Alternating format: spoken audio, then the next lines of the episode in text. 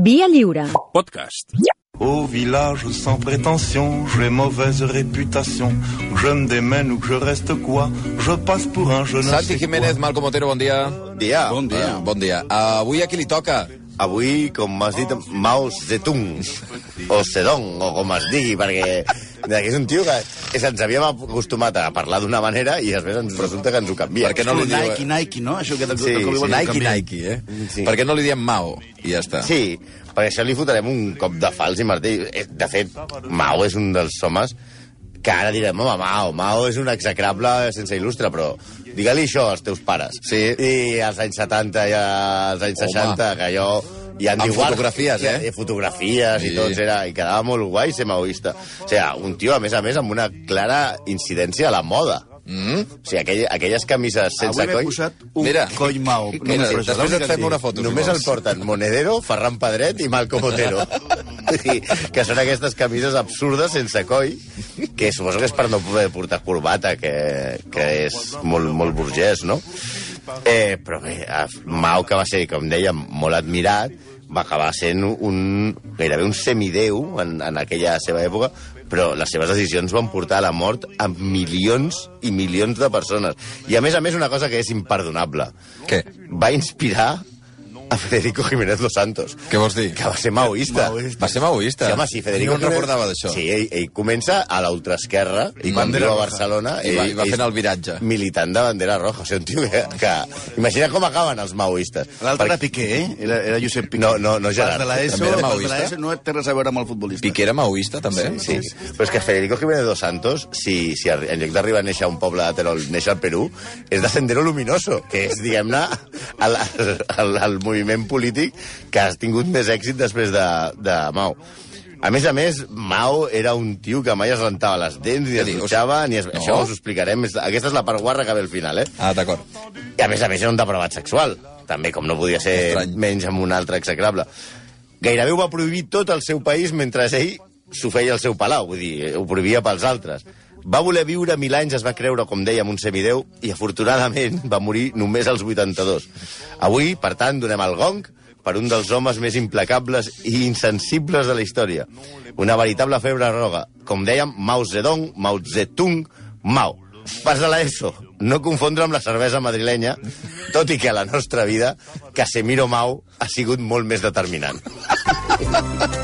Casimiro Mau. Gran home. Què és aquesta cançó? És The Year of the Dragon. The Year of the Dragon. Manhattan Sur, que A veure, titular puja, puja, Eugeni. puja, puja. M'heu de començar pel principi, És la sempre. cançó xinesa que més m'agrada. I l'única que conec. És de restaurant xinès, no? Sí, pues, de... Ah, però és molt guapa. Sí, aquesta. sí, està bé. Tu, tu deies, pel principi, doncs comencem per la família. La família de Mao era una de les més riques del seu poble i la seva família estava formada pel seu pare, Mao Jinchang, pels seus germans, Mao Zeming, Mao Zedong, i la seva germana, Mao Zedong. En fi, la família de Mao estava composta per altres Maos. Com és, com Mao. és lògic. O sigui, que tu, dies, tu cridaves Mao a sopar i es presentaven 200. bueno, ja és això. Però bueno, a veure, ser tants Maus i ser familiar de Mao no era, durant la primera època de la seva vida, una bona cosa. La seva primera dona, que realment és la segona, perquè el primer matrimoni estava concertat i no es va arribar a consumar i el treu a les però és igual. La seva segona dona primera va ser executada a la Guerra Civil xinesa i va ser també una de les primeres màrtirs del Partit Comunista. Va ser, està considerada en, durant molts anys una heroïna per tots els xinesos perquè va ser cruelment torturada i eh, finalment va ser eh, afusellada i mai va renegar del seu marit ni va, ni, va, ni va vendre els seus col·laboradors ni va renunciar al comunisme. Sí, els seus dos germans, els de Mao, els altres Mao, Els de Mau Mau Mau Mau, també van Esteu ser fatal, eh? Però ell, Mao, el nostre Mao, el Mao que ens, que ens interessa, va escriure un poema 20 anys més tard de la mort de la seva dona, dient que encara l'estimava. De totes maneres, molts historiadors parlen de que aquest poema no és més que propaganda política mostrant el seu amor per la màrtir. Amor cara a la galeria política. Una cosa així com Franco amb José Antonio, Fidel Castro amb el Che o Pablo Iglesias amb Errejón, no? També molts historiadors parlen de com la tenia mig abandonada, que Mau passava bastant de la seva dona, fins i tot que va estar a punt de suïcidar-se. I com no va fer res per rescatar-la, aquí tornem a tenir una cosa entre Franco i José Antonio, quan eh, les tropes del, del Partit Nacionalista xinès la tenien, la tenien presonera. Fins i tot recorda la seva fredor poc abans de l'execució, que va coincidir amb la mort d'un dels fills de Mao, que va morir als 4 anys de disenteria per, per tot el, el drama aquest que tenien a la guerra, que pass, ho van passar molt malament. Eh, és que ser fill de Mau tampoc era una ganga. Era millor clarament ser fill del nostre Mau, de Casemiro, que ara té totes les braseries per tot arreu. Sense constar aquest nen de mort prematura, un altre dels seus fills va morir víctima de la guerra, mm, anys després, i l'altre va arribar als 83 anys amb seriosos i diagnosticats problemes mentals. Problemes que, per altra banda, també sembla que afectaven a Mao, al Mao number one, perquè Uh, ara molts historiadors que re, re, revisen la història uh -huh. arriben, han arribat a la conclusió de que estava taradíssim i que era un psicòpata de manual. Directament. Sí, però anem al, al moll de l'os. El Mao i el Partit Comunista estaven en guerra amb el Partit Nacionalista Xinès de Chiang Kai-shek. Aquest nom m'encanta, Chiang Kai-shek. Chiang Kai-shek. eh, Mao, que va, que va esdevenir un gran estratega militar, va dissenyar un atac de guerrilles que li va donar molt bons resultats. El seu lema era, quan l'enemic avança, retrocedim. Bien. Quan l'enemic acampa, el fustiguem. Pas Està l'ESO, el que feu vosaltres amb els vostres pares quan voleu sortir de nit. I quan no vol barallar, l'ataquem. I quan fuig, el perseguim. El cas era donar pel sac tant com És una bona estratègia. Una bona... No, no, donava molt pel sac. El Partit Comunista anava una mica crescut, no va fer cas de les teories de Mao i en lloc d'anar per les guerrilles va decidir enfrontar-se amb una gran batalla amb els nacionalistes, de Chiang Kai-shek. M'encanta dir Chiang Kai-shek. I, i, I van lluitar en plan batalla del Senyor de los Anillos. Sí. I la cosa no va sortir bé, va ser com un 2 a 6 al Bernabéu. Els hi van fotre una tunda de collons. I aleshores eh, es van haver de retirar. Com Xina és molt, molt gran, o Toe gran, retirar-se porta temps. Sí, no, és, no és com si tu perds una batalla a Luxemburg, No. que en un moment has arribat Ja a la a- frontera. a la frontera, és veritat. hi ha molt de tros per córrer, eh? I aleshores ells van fer el que se'n va dir la llarga marxa, cap als de l'ESO. No és el que esteu pensant fer aquest cap de setmana. Volia dir fugir corrents cap al nord de la Xina A veure quan arribem al Milers de quan arribem a casa, no. És allò. Mentre els nacionalistes els anaven perseguint, no? Tot i la derrota, eh, Mao va aconseguir reorganitzar les tropes i eh, el seu lideratge i tornar a la guerra de guerrilles el va fer sortir molt beneficiat i la seva estratègia va sortir bé. I va començar i es va eh, erigir en el líder indiscutible perquè era el que estava en contra d'aquest enfrontament obert amb el Txeque-Txec. Després d'una guerra contra el Japó i una guerra mundial per de l'ESO, aquesta 2.0, Mao finalment vence Chiang Kai-shek. I, I neix la República Popular de la Xina. I també neix un líder pervers. Stalin al seu costat és un osset amorós. Primer, amb una cosa que es diu el moviment de les 100 flors. Sí, que podria ser consistia, un assassí, però era cursi de collons. Eh? que, era, que consistia en que el règim de Mao incitava a tothom a donar la seva opinió sobre la Xina, com s'havia de com- com- comportar-se el govern, i clar, tothom, els intel·lectuals, la, se- la seva, no? I, I alguns eh, mostraven la seva posició al règim comunista, i a Mau. I es tolerava Sí, i era... es promovia. Expliqueu-me, què? Com ho veieu Sí, tot? És que quan el cap, el jefe et truca i et diu què hem fet malament? Expliqueu-me, aquí som lliures, podem parlar tots. Un colló! Clar, i tu dius, jo, jo concretament com ho faig? Pues jo crec que ho fas una mica malament. No caigueu mai a la trampa, sempre digueu que ho fan bé. Si tot aquest eh, eh, escenari Happy Flower, que, com va acabar? Pues va acabar amb tothom que, es va, que va dir una cosa contrària al règim a la presó. Perquè de identificats. persones, Home, sí. està bé. Tot, tot era una, una, una estratègia per identificar qui no estava a favor. Era un rotllo una mica Mourinho Casillas. Sí, sí, és allò de què hem fet malament. No, no, tot està bé.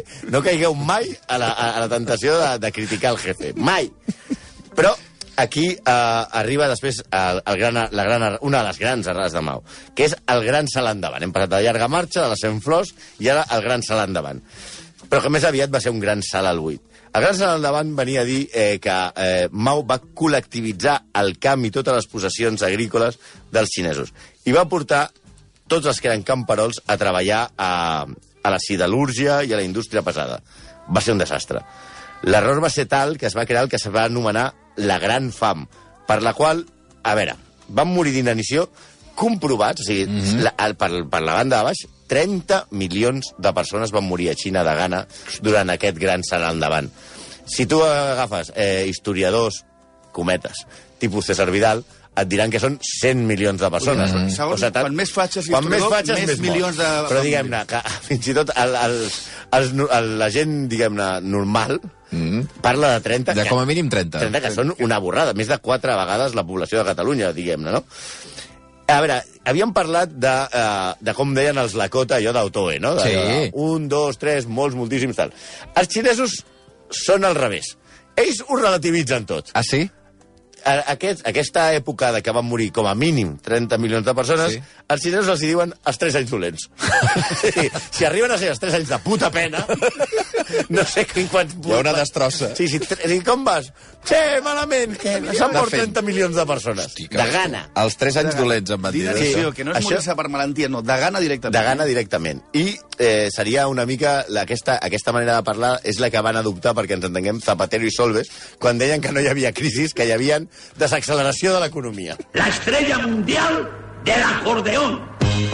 María Jesús. Pajaritos a bailar Eh? la de... Té la Què seva té, què té a veure amb Mao? Té la seva La- explicació. la- L'acordeon? Té la seva explicació dins de la nostra ment Pajaritos. perversa, eh? Però- Sí, perquè, de fet, els maoistes eren uns cracs buscant excuses per justificar el fracàs del Gran Salt. Com hem dit, passava que, segons Mao, el comunisme no podia tromfar a la Xina perquè Sí. hi havia massa camperols i pocs obrers. Així que va portar els camperols a fer d'obrers comprant fàbriques senceres a Rússia com el que compra xurros. Aleshores, què va passar? Evidentment, les collites se'n van anar norris, perquè no hi havia camperols que les conreessin. I ni els obrers ni els camperols tenien res per menjar. I a qui li van fotre la culpa? Els que van dissenyar la política? No, senyor, no. El jefe no s'equivoca mai. El clima? Sí, una miqueta, la sequera, la pertinent sequia, que també ho deia per aquí el Franco i tal. Però, la veritat, els grans culpables van ser els ocells, els pajaritos. Ah, sí? Sí, tal com sona. Els ocellets, concretament els tauladers, que són els gorriones, van ser declarats fora de la llei. Segons els líders comunistes, la fam venia perquè els ocells es menjaven les collites i els hi van declarar la guerra als ocells. Enmig d'aquella gran hambruna, d'aquella fam que hi havia, terrible, van premiar amb un grapat d'arròs a tot aquell camperol que entregués certa quantitat d'ocells morts a les comissaries. Clar, la gent va tornar-se boja per matar ocells, perquè tenien molta gana. I què va passar? Que els ocells gairebé van desaparèixer de la Xina. Per ocell que veies, nyagapum, que sola. En canvi, clar, quan van desaparèixer els, els ocells, què va passar? Els insectes i les llagostes es van quedar sense els seus predadors eh, naturals. I què va passar? Que l'any següent la collita encara va ser pitjor perquè se la van menjar els insectes. No se podia saber, eh? Mao, òbviament, feia que no se'n sabentava de res eh, del que passava, i perquè si fos, quan el seu tren imperial, que us podíeu imaginar, a tot luxe, havia de passar per una regió del país, es transportaven collites senceres al costat de les vies, En plan, en plan decorat de... de, decorat de, per tal que el tram timoner pogués veure des de la finestra com de bé anaven les coses. Això sí, tornem una altra vegada a, la- a, la, a la cosa de no li dieu al jefe que fa malament les coses. Perquè quan algú li va fer veure un senyor que es deia Liu Piu, que era un dels seus màxims col·laboradors, gairebé un germà per ell, li va arribar a dir en un congrés del Partit Comunista que, eh, de veritat, que estàs fent que la gent s'està morint de gana, ell va acceptar la discrepància i, i la crítica amb naturalitat. Va agafar Liu Piu, el va tancar amb una cel·la i va dir no dius que s'estan morint de gana? Doncs pues ara et moriràs de gana. Ara tu. I Liu Piu va morir a la seva cel·la de gana, ja no li va fer falta fer una vaga de fam, ja la van fer, li van obligar per ell, i va morir rodejat dels seus propis excrements Oi, oi, oi, oi. a una cel·la. Vas. Tolerància al diàleg. Tolerància al diàleg. Bueno, aquest petit error, aquesta nimietat eh, de que morís 30 milions de persones, va fer que volguessin retirar Mao del poder i deixar-ho de, de gerro, diguem-ne, com, un- com De un líder xinès. honorari, Sí. una cosa així, però com era un gran superdolent, un supervillano, que diuen en castellà, va tenir una gran idea. La revolució cultural, que, paradoxalment, no tenia res de cultural i era més aviat un règim del terror. Ens van instaurar tribunals i esquadrons per vigilar que seguia l'ortodoxia del partit. Es destruïa l'art occidental, es prohibien lectures, es castigava a qui vestia de forma eh, occidental. Va, una repressió bestial. Era una, era una època en què la delació estava a l'ordre del dia. Els veïns s'acusaven entre ells. Mm. I fins i tot alumnes, als col·legis o a les universitats, podien denunciar els seus professors si creien que els estaven ficant idees occidentals i els afusellaven. Una mena del contenidor del Basté, però mala hòstia. Amb mala llet. Sí, no? Aleshores, Mao va decidir, ja que el comunisme no permetia la religió, el Déu seria ell. Va començar el culte a la seva personalitat. I va escriure un llibre amb el críptic títol de cites del president Mao, que no se sap de què pot anar, en el que tots els membres del partit, és a dir, tothom, perquè tota Xina eren membres del partit, havien de portar a sobre i van néixer diverses generacions que estimaven, idolatraven a Mao. Tothom estimava Mao, però sobretot Mao estimava molt a Mao. Com el llibre l'havia de tenir tothom, i, i saber-se'l de memòria, i la Xina tenia aleshores uns 800 milions d'habitants, no cal dir que va ser un èxit editorial Home, esparrant.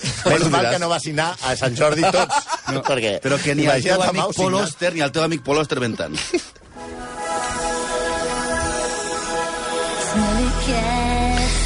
Però tu m'has dit abans que, que volíeu parlar del tema personal, sí. diguem, més Deixem enllà de la qüestió sí. política. Ja eh? deixem davant les seves idees polítiques, que ja van costar la vida a milions de persones i que situen al costat de Hitler, Stalin o el nostre amic Leopold com un dels genocides més grans de la manera. A la seva vida personal, ras i curt, era fastigós.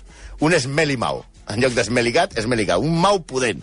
Perquè considerava, d'entrada, que un home no s'havia de banyar. Ah, d'acord. Ja, ja comencem Com a així. premissa està bé. Ja. Al, al llarg de la seva vida, i va viure molts anys, ja ho he dit abans, 80 i pico, va rebutjar el sabó més que el capitalisme. L'única concessió que feia és que el seu guardaespatlles o les seves concubines, ara parlarem del sexe perquè era un porc en tots els sentits, eh, el rentéssim en tovalloletes humides mentre llegia o escrivia. I aquí no acaben les seves marranades. Tampoc es va rentar mai les dents. Ell deia que perquè els tigres no se les renten. Clar. Jo no sé si heu vist cagar un tigre, però si feia un mateix que feien els tigres, no m'imagino un tigre amb, Va. amb to- tovalloles humides. O sigui, allà sota, de Mau, hi havia haver-hi una musclera. Ai, ai, ai, ai, ai, quina angúnia! El seu Oh! metge personal... Oh, per favor. El seu metge personal, que venia d'una família de metges personals dels emperadors de la Xina dels últims 300 anys, que quan va poder va fotre el camp als Estats Units, va escriure un llibre, que va ser unes supervendes, sobre la vida privada de Mao que es diu La vida privada de Mao, Sí. en el que explica que Mao tenia la dentadura podrida. Ai, ai, ai, ai, Només ai, ai. es rentava... La seva idea de rentar-se les dents era mastegar al matí unes fulles de te amb les quals feia eh, glopejava Oh. i escopia. Amb 60 anys tenia les dents verdes, cobertes d'una capa de mo i les genives, atenció, aquesta és la meva part favorita, inflamades. I quan se les pressionava, treien pus. Ai, no!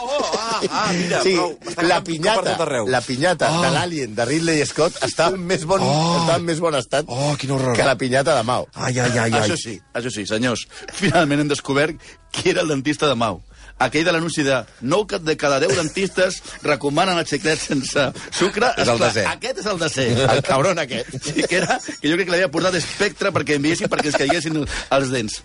També eh, el que recomana és no rentar-se els dents fins, com li va passar a Mau, se't tornin negres. Ah, llavors sí, eh? Mentre que tinguis aquests, aquest pus a. Molt bé. I pensareu, amb aquest panorama, que anava acompanyat d'una litosi que podia tombar els tres Ai, dracs de, ai, de sí, Juego de clar. Tronos d'una bufada, doncs que tindria una inexistent vida sexual, perquè fer-li un petó era com que posar-se en el vàter d'una àrea de servei. Ai. Doncs no. Resulta Ai. que el Prenda era un maníac sexual, i mai millor dit això de maníac. Ja hem dit que es va convertir en un déu en vida i que estava convençut que no podria morir-se. De fet, una de les frases del llibre que va comprar, eh, va fer comprar tots els xinesos era Mao mai morirà. Però a poc a poc el tipus es va anar fent gran, com és lògic, i va veure com el pitu no s'hi l'aixecava amb l'alegria d'abans. Això passa a tothom, eh? Això, això passa, nois. Va, va agafar pànic a la impotència i com que no tenia el telèfon de Manolo Lama per tal de que li recomanés els productes que anuncia, va idear un plan per tal de remellar la seva incipient impotència. El pla consistia, Trasigur, en cardar-se mil verges. Ai, mira, Tal com ho senten. escolta, per prou, ell, eh? atenció, que la idea, és, la idea té, té coses, no, no és allò d'energisil de, del lama, eh? Per ell, els fluids de la dona verge Ai. eren el yin que en contacte amb la seva part masculina, el yang, vulgarment No- polla, no cal. revitalitzaven Sí, bueno. aquesta última i li permetien mantenir-se com un xavalet. Per dur terme el seu pla, va reclutar de totes les parts de la Xina a adolescents que pràcticament segrestava i fins i tot algunes li regalaven les famílies i els pares de les nenes com un gran honor perquè poguessin estar amb el, amb, amb el gran timoner per fer-se un acord de concubines i així poder mantenir allò al pitu dret.